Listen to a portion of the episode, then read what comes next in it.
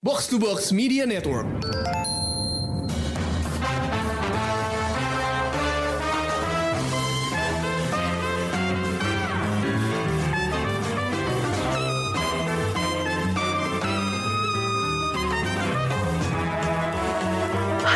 Pendengar Showbox, balik lagi bareng gue Amy. Kali ini gue bakal mereview sebuah film superhero yang lagi tayang di bioskop dari DC Movies, yaitu Shazam Fury of the Gods.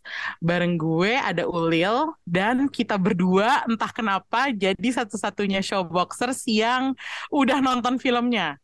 Yang lain seperti Krisna dan Rengga malah belum nonton, jadinya kita tinggal berdua aja nih. Um, dan untuk angle review kali ini, uh, membahas Shazam ini, gue pengen sedikit mengubah format ya. Nih, gue buka kartu sedikit. Biasanya di Showbox, alur diskusi itu ditentukan sama gue gitu, yang ngasih berbagai macam pertanyaan kepada para panelis yang gabung bareng gue. Terus gue yang nanya apa pendapat mereka tentang aspek ini, aspek itu dari sebuah film. Tapi kali ini untuk Shazam, Fury of the Gods, gue gak bakal menentukan pertanyaan dari awal. Jadi ini istilahnya kita ngalir aja diskusinya gitu. Dan untuk mengawali diskusi kita kali ini, gue pengen buka dengan pertanyaan yang cukup general, yaitu jadi apa isu yang pengen lo bahas dari Shazam Fury of the Gods? Gue persilahkan Ulil yang gabung bareng gue di sini untuk mengutarakan unek-uneknya tentang film ini, apa pun itu, gue terima apa pun. Gila gue baru baru mulai aja udah ketawa Emi. Silakan Lil, keluarkan unek-unek lo. Eh, eh, gue cukup terkejut akan film ini sebenarnya. Mau mau ngenalin Wonder Woman, mau ngeluarin uh, Brotherhood and Sisterhood-nya Shazam, mau ngasih lihat um, makhluk-makhluk aneh yang keluar, Hmm. atau mau ngasih lihat percintaan dengan jarak umur yang ribuan tahun. Ah, itu semua adalah isu ya. Kalau gue nyebutnya isu gitu. Ya, kayak nggak tahu mereka superhero di mananya gitu loh, kayak kurang hero gitu buat gue. Kayak Oh, ke mana gitu, tahu tuh mau ke mana guys?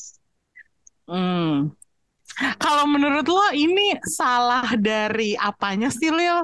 Dari penyutradaraannya atau apa ya? Aktingnya kah? Penyutradaraannya ya, jalan ceritanya ya, mau dibawa Hmm, ke mana? Kalau aktingnya hmm, sih, itu sih ngeliatnya fine-fine aja ya, Ami. Kalau buat lo gimana? hmm. Nah, eh, sebenarnya dari segi acting gue agak-agak punya eh, unek-unek juga ya istilahnya. oke. Eh, yang pengen gue angkat isunya adalah nggak sinkronnya Hmm, penampilan Zachary Levi dan si remaja yang harusnya dia mainkan, Billy Batson. Billy Batson. Jadi kan ini kan si Billy kan masih remaja dan dia masih tampangnya fresh harusnya. Mm-mm. Dan dia juga sikapnya masih remaja gitu loh. Tapi terus dia dikasih sosok Zachary Levi yang udah dewasa tapi berusaha untuk bertingkah laku seperti anak muda. Itu tuh nggak sinkron banget kalau menurut gue. Jadi superhero berwajah dan berbadan dewasa versus si foster kid yang baru aja mau nginjak usia 18 tahun. Itu tuh nggak ada kecocokan sama sekali. oke. Jadi gue nggak Ya, ngerti sebenarnya apa ya. Ini yang mau ditampilin tuh si versi dewasanya apa si versi anak mudanya gitu loh. setuju gue sama everything. Kayak Iya kan? Lo ada di tengah-tengah dan lo nggak jelas gitu mau ke mana. Kalau Iya, lo lagi-lagi arahannya kan nggak jelas. Iya, kayak kalau lo mau fokus ke masa mereka muda, ya udah di situ aja gitu kan. Mm-mm. Tapi lo mau banyakin juga porsi mereka saat mereka udah dewasa, saat mereka jadi Shazam. Jadi kayak, eh, gimana sih? Atau mungkin itu mereka mau bikin hal yang sedikit eh, ini ya, ini apa namanya, biar lucu aja gitu. Nah, itu dia. Kalau menurut gue mereka berusaha terlalu keras banget sih untuk jadi lucu. Iya nggak sih? Lo ngerasa Iya, nggak sih? Gue sih nggak merasa filmnya lucu ya. Gue kayak nggak nggak ketawa, nggak cekikikan pas nonton. Gue Ya, kayak cuma nonton itu dengan kayak wajah nggak percaya dengar dengerin jokes yang keluar dari mulut-mulut mereka tuh gue kayak ini apa sih gitu loh. Ya, Dia ya. terus udah gitu si si Zachary Levi-nya tuh juga terus-terusan ngeluarin jokes bercandaan sana sini pecicilan hore-hore sendiri sementara si Asher Angel-nya tuh malah nggak kelihatan sama sekali jadi di saat dia jadi Zachary Levi bercandaannya kebanyakan di saat dia nampilin si Asher Angel sebagai Billy Batson muda dia malah nggak ada lucu-lucunya sama sekali gitu loh gue kayak bingung total nanggepin apa ya seluruh tahun dari film ini gitu Capek sih, capek kan capek. Dan itu lama banget kan, durasinya tuh dua jam. Terus kayak, Mm-mm. kalian tuh mau ke mana adik-adik? Pasti pasti gelisah dari awal tuh gue mencoba buat sabar ya. Cuman Mm-mm. sampai di tengah kayak, duh mau ke mana sih? Walaupun gue pribadi untuk beberapa eh, leluconnya dan kebodoran mereka gitu ya, things mereka tuh gue gue gue sempat ketawa sih gitu. Cuman kayak Mm. setelah menyelesaikan itu semua kayak lu tuh mau ngomong apa sebenarnya gitu dan banyak hal-hal yang gak nyambung menurut gue sampai pada akhirnya adalah Wonder Woman terus tiba-tiba eh, Asher Angel-nya em, udah nggak ada. Terus kayak apa gitu? Kerusuhan seluruh kerusuhan seluruh kota makhluk-makhluk yang ada. Terus kayak eh, tongkat Shazam-nya juga akhirnya ada lagi. Tuh kayak apa sih gitu? Si tongkat Shazam itu beneran bikin bingung juga ya karena iya. jujur gue kan nggak inget film pertama ya. Gue nggak inget apa yang terjadi dengan tongkat Shazam itu sampai di eh, satu adegan ada flashbacknya yang men- yang menunjukkan apa yang dilakukan oleh si Asher pahlawan pahlawan itu eh, di akhir pertarungan di film pertama yang itu tongkatnya dipatahin. Gue nggak inget sama sekali sampai hal itu ditunjukin sebagai flashback scene gitu loh. Terus waktu gue inget apa yang terjadi terus gue bilang hah dunianya kacau cuman gara-gara dia matahin tongkat? Terus dia matahin tongkat juga nggak ada yang ngasih tahu bahwa tongkatnya nggak boleh dipatahin gitu. Itu juga agak-agak tolol gak sih? Kayak Iya, lo lo kalau mau milih superhero ya lo latih dengan bener dong. Gitu. Iya, jadi apalagi si Witch-nya yang nggak guna sih menurut gue. hmm, Dia cuman sebagai kang kunci aja kali ya. hmm, Kang kunci yang ngasih tahu, oh yang lo cari adalah si Bill, eh, si Billy Batson gitu. Habis itu udah. Tapi dia terlalu banyak sih menurut gue. Kayak lo ngapain gitu. Nggak ada, nggak ada pertolongan apa pun dari lo gitu loh. hmm, iya iya iya iya itu kan emang intinya naskahnya juga sebenarnya kalau dipikir-pikir gak imbang sama sekali kayak akhirnya jadi dia kebanyakan ngejokes doang Iya, bener. Superhero-nya nggak ada gitu. Hmm. Bahkan bahkan ketika mereka melakukan kegiatan yang dibilang heroik, Mm-mm. warga pun nggak percaya gitu. Kayak kan koran-koran koran-koran yang publish mereka kan malah malah me- mo- me- menyudut apa mengkerucutkan mereka kalau mereka adalah biang keroknya gitu kan makanya terjadi per- kericuan ini. Jadi gue kayak apa yang mau lo pertaruhkan lo as a hero gitu loh.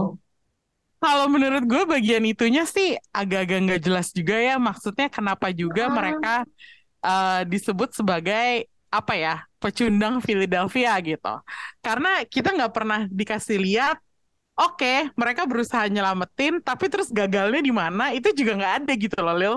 Kayak udah aja reaksi reaksi orang-orang negatif gitu terus gue nggak ngerti sisi negatifnya mau ditaruh di mana ya gue jadi ini sebenarnya naskahnya tuh siapa yang nulis terus udah gitu kayak iya itu dia pesan yang mau disampaikan tuh apa gitu Apa? loh Iya bener. apa? Kalian mau ngomong apa, guys? Terus udah gitu kita omongin satu problem lagi ya kalau menurut gue yang tadi lo bilang itu kemunculan Wonder Woman. Hmm, ngapain? Iya, terlepas dari satu adegan di mana badannya Wonder Woman terus diganti sama si wizard yang udah tua Iya. itu, Hmm, itu kalau menurut gue jokes yang rada katrok juga dan bener. apa ya? Menurut gue Wonder Woman tuh masih perlu nggak sih? Karena gini ya, problem besar dengan film-film DC sekarang ini adalah Hmm. cinematic universe-nya udah nggak jalan. Mereka Ya, intinya ya. mereka udah udah keluar jalur aja. Itu Hmm. gue nggak ngerti gimana planning ke depannya. Itu si The Batman aja yang dibintangi oleh Robert Pattinson, itu tuh udah menyimpang banget kan, keluar jalur jauh banget. Meskipun filmnya oke dan gue suka, udah resmi bahwa DC itu udah nggak punya cinematic universe lagi gitu. Ya. Mau diribut kayak apa pun juga, yang sekarang ini tuh udah nggak terselamatkan ya nggak sih? Kayak udah Iya. udah nggak ada harapan gitu. Orang Henry Cavill-nya udah dipecat gitu kan? Gitu. Mau apa lagi gitu tujuan hidup kalian? Terus di Iya. lo pakai bikin justice something gitu ya. Iya, tapi terus kenapa Shazam Fury of the Gods ini nggak dipisahin sekalian aja gitu, di langsung aja di cut gitu loh. Terus oke, mungkin filmnya di shoot jauh sebelum universe-nya Semua terjadi. Ya, Mm-mm. oke. Tapi terus dengan lo maksain munculnya Wonder Woman di film ini jatuhnya tuh malah jadi katro gitu. Apa Ya. kemunculannya cuman buat nyenengin si Zachary Levi doang? Sok-sok mau bikin plot uh, love story Romance. gitu sama Wonder Woman gitu kan.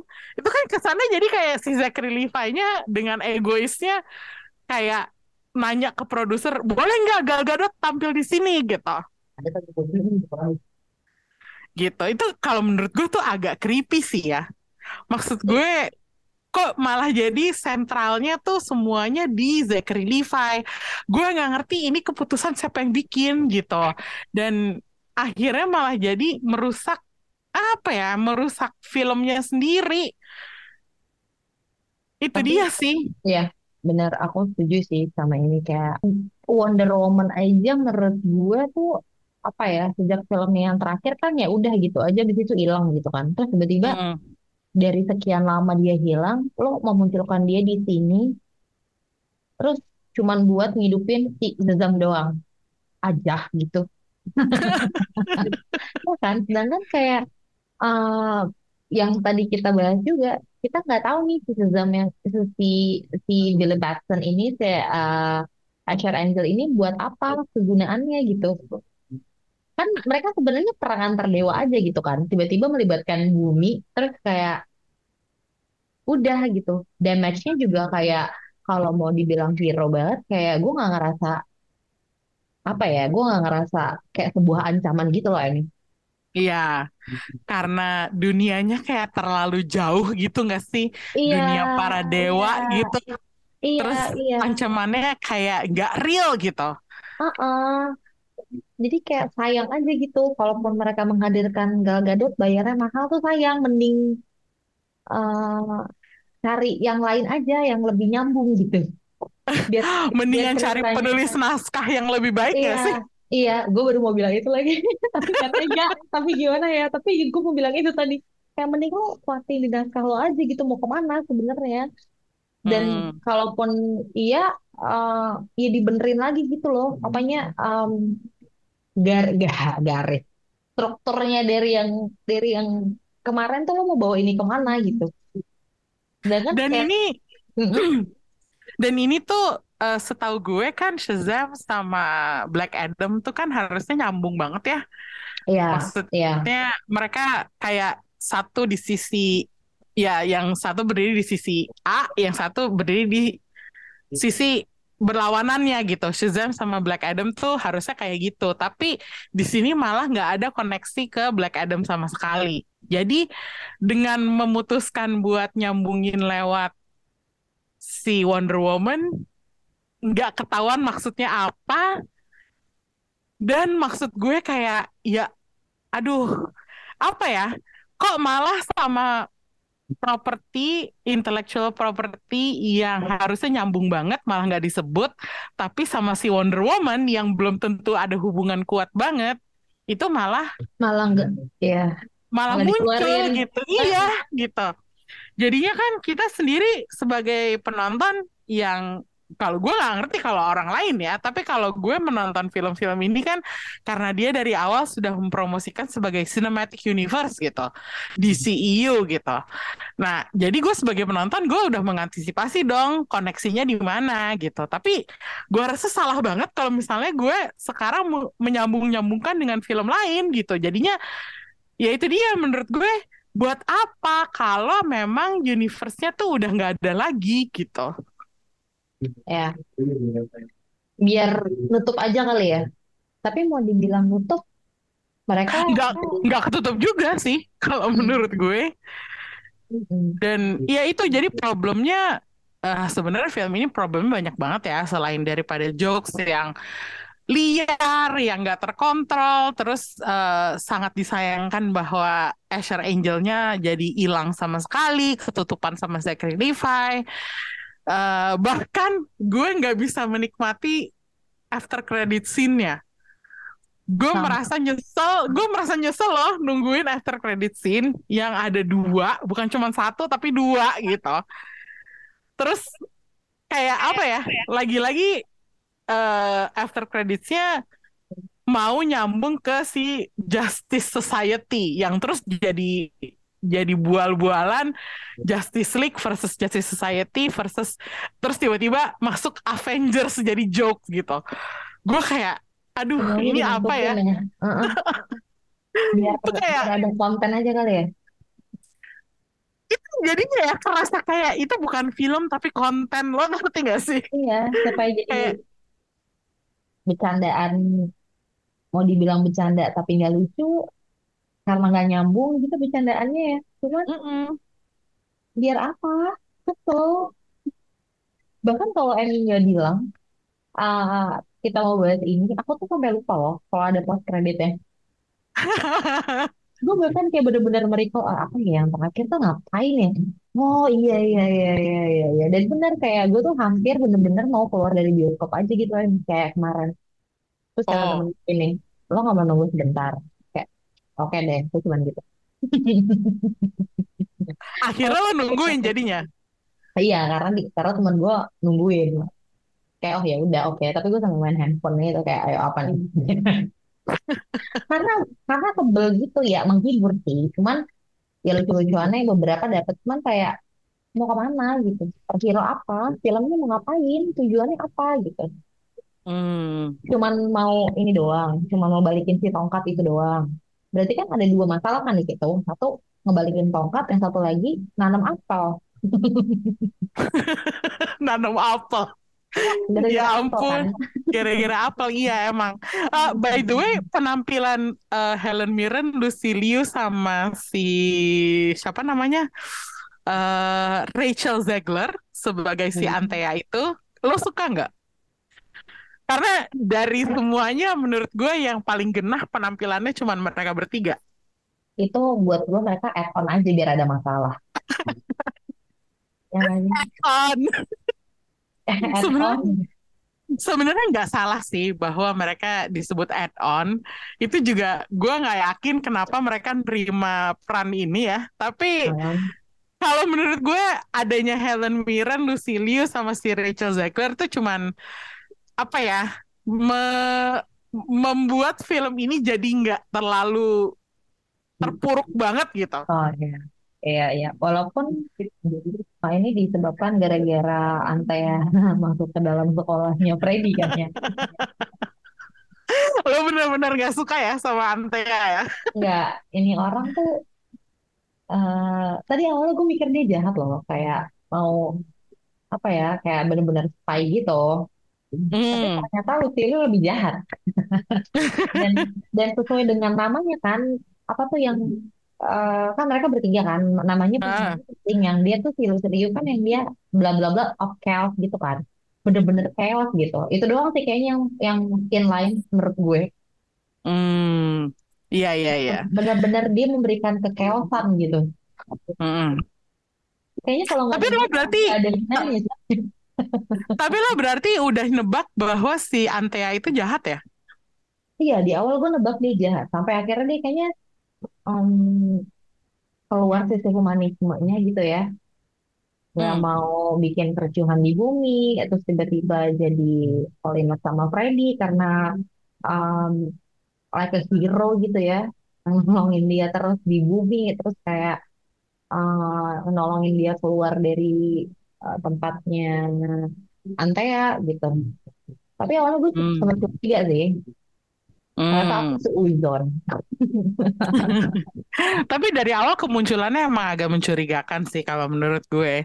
Karena karena di situ tiba-tiba anak baru aja gitu. Siapa? Kenapa tiba-tiba muncul gitu. Em, terus di sini juga jadinya si apa ya? Si Freddy akhirnya jadi keluar lebih banyak daripada si Billy Batson. Kebebasan.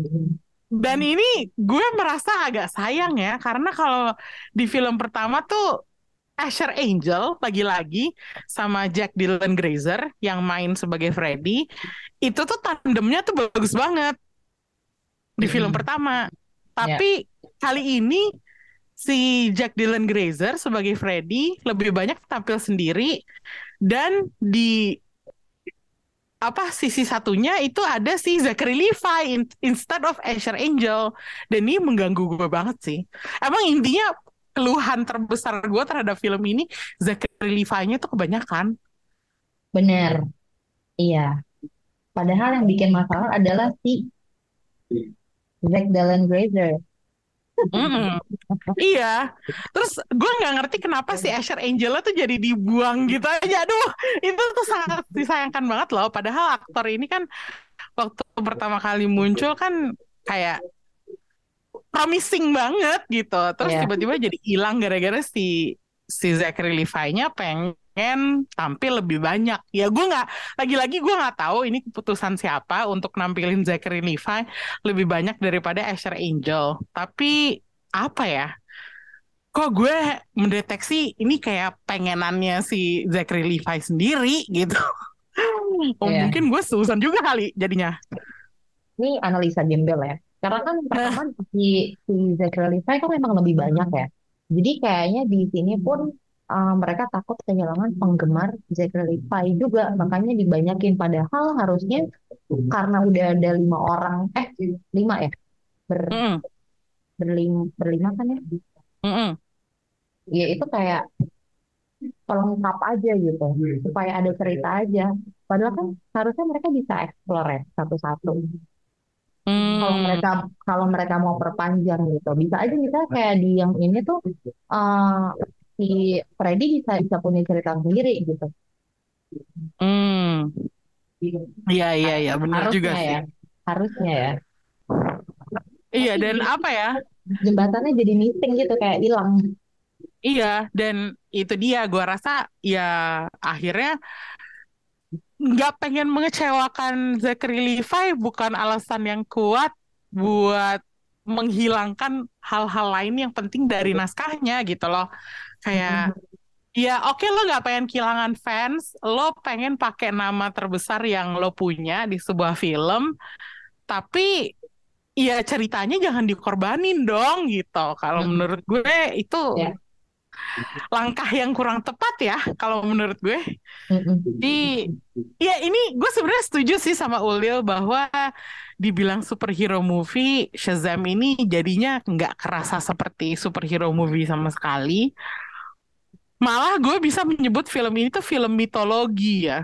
Jadi ya kalau lo suka sama itu lagi mitologi Iya, ya kalau lo suka mitologi atau sihir gitu, ini ini boleh ini lah movie yang tepat, iya gitu. Tapi bukan apa ya, ini bukan film yang tepat kalau lo mencari superheroisme, aksi kepahlawanan dari seseorang atau sekelompok orang. Gue rasa ini bukan filmnya sama sekali, iya nggak sih Lil? iya gue setuju atau mereka mau mengubah target audiensnya ya lebih Ah, menggiring ke teenager gitu itu sih udah jelas ya. Kayaknya emang Shazam ini targetnya jauh lebih muda ya. Mungkin juga karena protagonisnya anak-anak semua. Eh, tapi itu juga menurut gue bukan alasan sih.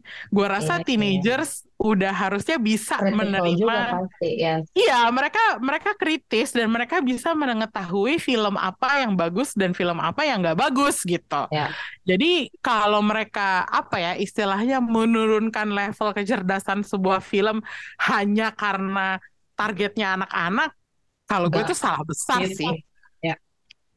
Gitu. Mereka lebih kritis, lebih kayak gampang boring gitu kan. Mm-mm, itu dia makanya. Jadi sangat disayangkan banget bahwa film ini meskipun disutradarai oleh kalau menurut gue sutradaranya salah satu sutradara baru yang lumayan promising ya pada saat dia muncul dulu pertama kali David F. Sandberg. Steinberg. Eh, Iya kalau dilihat-lihat tuh dia karyanya cukup apa ya cukup meyakinkan pada awalnya. Ya. Em, dia kan bikin film horor yang lights out gitu. Em, Bikin tapi Annabelle. ya tapi kalau di sini menurut gue kok malah jadinya agak turun gitu pamornya. Em, sangat disayangkan banget sih. Em, dan mungkin ini Showbox nggak ada niat untuk menjatuhkan siapa-siapa ya, tapi emang harus diakuin bahwa film-film DC itu emang intinya kayaknya udah harusnya udah selesai aja gitu. Kayak nggak usah dilanjutin lagi. Kalau mau diada-adain ya. Iya, kalau mau diada-adain pun di masa depan bikinlah satu judul satu judul aja nggak usah disambung-sambungin ya nggak sih? Iya, bener. Biar ya udah kalau mau mati di situ mati, kalau mau dilanjutin ya bisa juga gitu kan. Nggak Iya, usah tapi di- nggak usah nambahin orang-orang lain gitu di dalamnya. Iya dilanjutin hanya untuk karakter itu aja gitu loh. Iya, Jadi nggak usah bikin cinematic universe apa-apa gitu. Heeh. Kalau kalau menurut gue udahlah DC kayaknya emang nggak akan dulu aja nggak sih? Iya istirahat dulu aja. Kalau menurut gue istirahat dulu aja. Em, terserah lah Marvel mau ngapain, jangan dipeduliin. You do you, DC gitu. Iya. Kayak Di sini kayaknya outing aja deh karyawan. betul. Sebentar, sebentar. Abis itu balik lagi nggak apa-apa. Itu saran yang bagus banget sih. Kalau menurut gue istirahat, outing, santai-santai gitu ya, liburan ke pantai kayak atau ke mana gitu ya nggak sih Iya, Leo? iya, iya benar. Supaya refresh lagi. Hmm, betul betul. Eh, ya, gue harap ke depannya kita nggak harus lagi meng apa ya mengkritik sebuah film sampai sebegininya. Em, ya, gue nggak nggak bilang bahwa DC nggak akan ada film bagus lagi, tapi Ya. untuk saat ini mendingan istirahat dulu aja deh gitu. Dan apa ya? Atau hmm, atau DC bikin di OTT dulu aja, En. Menurut lo gimana? Nah, iya, udah tuh Itu bikin gue OTT suka aja sih. lah. Gue suka sih kalau dia di OTT kayak udah gue puas gitu. Hmm. Tapi kalau buat film kayaknya outing dulu kali ya guys. Gitu. Iya tuh gunakanlah OTT kan udah punya HBO Max gitu. Langsung aja bikin-bikin konten di HBO Max aja kalau menurut gue. Nggak usah pakai bioskop-bioskopan segala lah. Istirahat dulu intinya gitu. Nah, ya nggak sih? Em, terlepas dari pendengar Showbox setuju atau enggak ya dengan review kita, eh, itulah penilaian kita terhadap Shazam Fury of the Gods yang em, mohon maaf agak-agak membuang-buang waktu gue di bioskop weekend kemarin. Em, tapi ya udah itu dia review kita diterima apa adanya aja. Eh, semoga film berikutnya yang kita tonton bisa lebih seru, bisa lebih exciting dan nggak sebanyak ini mengundang kritikan dari gue dan Ulil gitu. Um, tapi Shazam Fury of the Gods, kalau misalnya pendengar Showbox mau nonton, ini lagi main di bioskop sekarang, bisa tonton di mana aja. Um, Yes. Jadi uh, langsung aja ya. nonton. Ya, kalau misalnya penasaran, segimana sih film ini uh, bisa mengundang kritik sebesar itu dari Showbox, silakan langsung aja nonton sendiri dan tentukan uh, pendapat kalian sendiri. Jangan Um, itu dia tadi ya nih. Iya, jangan Ntar- lupa makan kalau menonton film marah. ini. Soalnya kalau kalau enggak keluar-keluar bioskop nanti bisa makin marah alias hangry gitu. Kayak gue kemarin gue lu gue nggak makan siang, gue nggak makan siang, cuman nyenek doang, ternyata nggak cukup. Gue keluar bioskop dengan kepala puyeng, mau pengsan, tapi marah juga gitu. Jadi Henry beneran.